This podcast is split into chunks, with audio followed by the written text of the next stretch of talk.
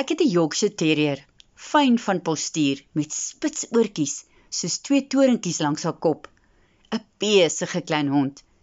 Nie net dink sy die hele buurt behoort aan haar nie, maar wil sy so graag ook almal rondom haar oppas.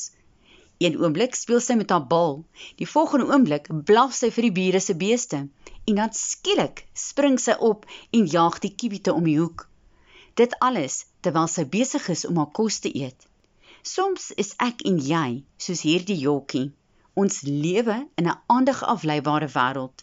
Mense is op 'n drafstap en ons probeer bybly. Daar is soveel dinge om te doen en min tyd om klaar te maak. Ons wil tyd met God spandeer en sy stem hoor, maar ons bly te besig.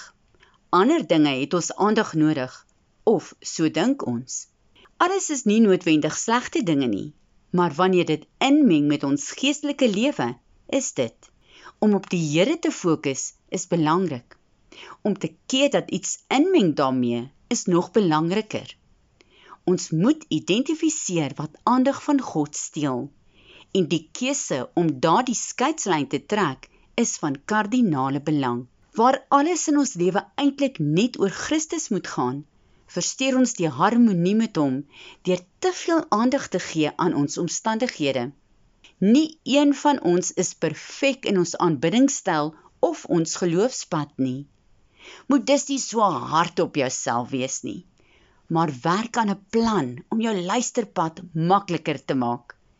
Weet waarna om te luister en wat om te ignoreer. Een van die grootste dinge wat soms kan inmeng, is onsself ons staan in ons eie pad. Die menslike natuur neig daarna om alles te bevraagteken en heroorweeg. Dit laat ons dikwels alleen agter in hartseer omstandighede. Die moontlikhede is oorweldigend en los ons in verwarring. 'n Lae selfbeeld kan mens ook keer om drastiese geloofstappe te neem. Jy glo dalk dat jy nooit suksesvol sal wees nie. Selftwyfel is een van die grootste sonnebokke. Vertrou net op die Here en vra minder vra. Dis eintlik tog maar ons opdrag. Ons verwar egter logika met vrees en maak dit ons steunpilaar. So word dit 'n stopteken in ons geloofspad. God wil goeie verandering in ons lewe bring. Dis sy opdrag en sy seën wat ons laat opstaan en aangaan. Ignoreer dus jouself en streef na die begeertes en drome wat die Here in jou hart gelê het. Tegnologie bly ontwikkel. Om balans te handhaaf tussen die werklikheid en tegnologie is nie altyd maklik nie. Ons bevind onsself in 'n weegskaal tussen die internet en sosiale media. Antwoorde word gesoek op Google en tog lê die einste antwoorde in gebed. 'n televisieprogram of nuusberig kan jou dalk van jou godgegewe planne laat afsien. Vrees word ingeboesem deur net op die wêreld se probleme te fokus. Sosiale media is vinniger op 'n misdaadtoneel as 'n televisiestasie se nuusspan. Dis juist dan wanneer ons moet grense stel en selfbeheersing toepas. Tegnologie is nie koning nie. Jesus Christus is. Familie is kosbare besittings in die lewe. Ongelukkig kan hulle ook ons grootste vyande wees, veral wanneer ons meer op hulle raad of opinie staatmaak as die opinie van God.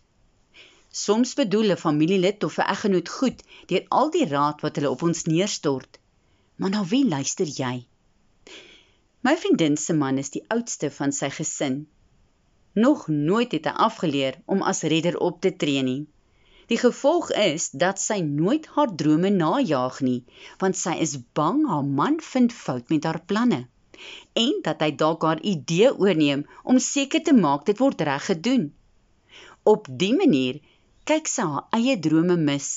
Sy gee maklik die leiersels aan haar man oor en vergeet van God se opdrag. Die grootste geleenthede kan misgekyk word omdat ander se besorgdheid en oorbeskerming mense se ore toedruk vir die opdrag van die Here. God het egter voorspoedige planne vir ons lewens. Dalk het jy ander hindernisse wat jou fokustyd met die Here steel. Weet jy wat jou keer om van God te hoor? Kan jy dit identifiseer? Gee dit 'n naam Moenie dit ontken nie. Dit kan dalk net die oorsaak van die struikelblok in jou lewe wees. Moenie toelaat dat die lewe se gebeure jou die Here se stem laat mis nie. Deur dit te doen, kan ons moontlik baie seëninge in ons lewe misloop. Vra God waaraan jy minder aandag moet gee. Spreuke 6 vers 3 gee ons die opdrag om ons handewerk aan die Here oor te gee, want sy onderrig is 'n lig vir ons pad. Vra die Here vir sy leiding. Maak tyd vir sy woord. Maak tyd vir gebed. Soek aktief na die Here se stem en lewe in sy lig.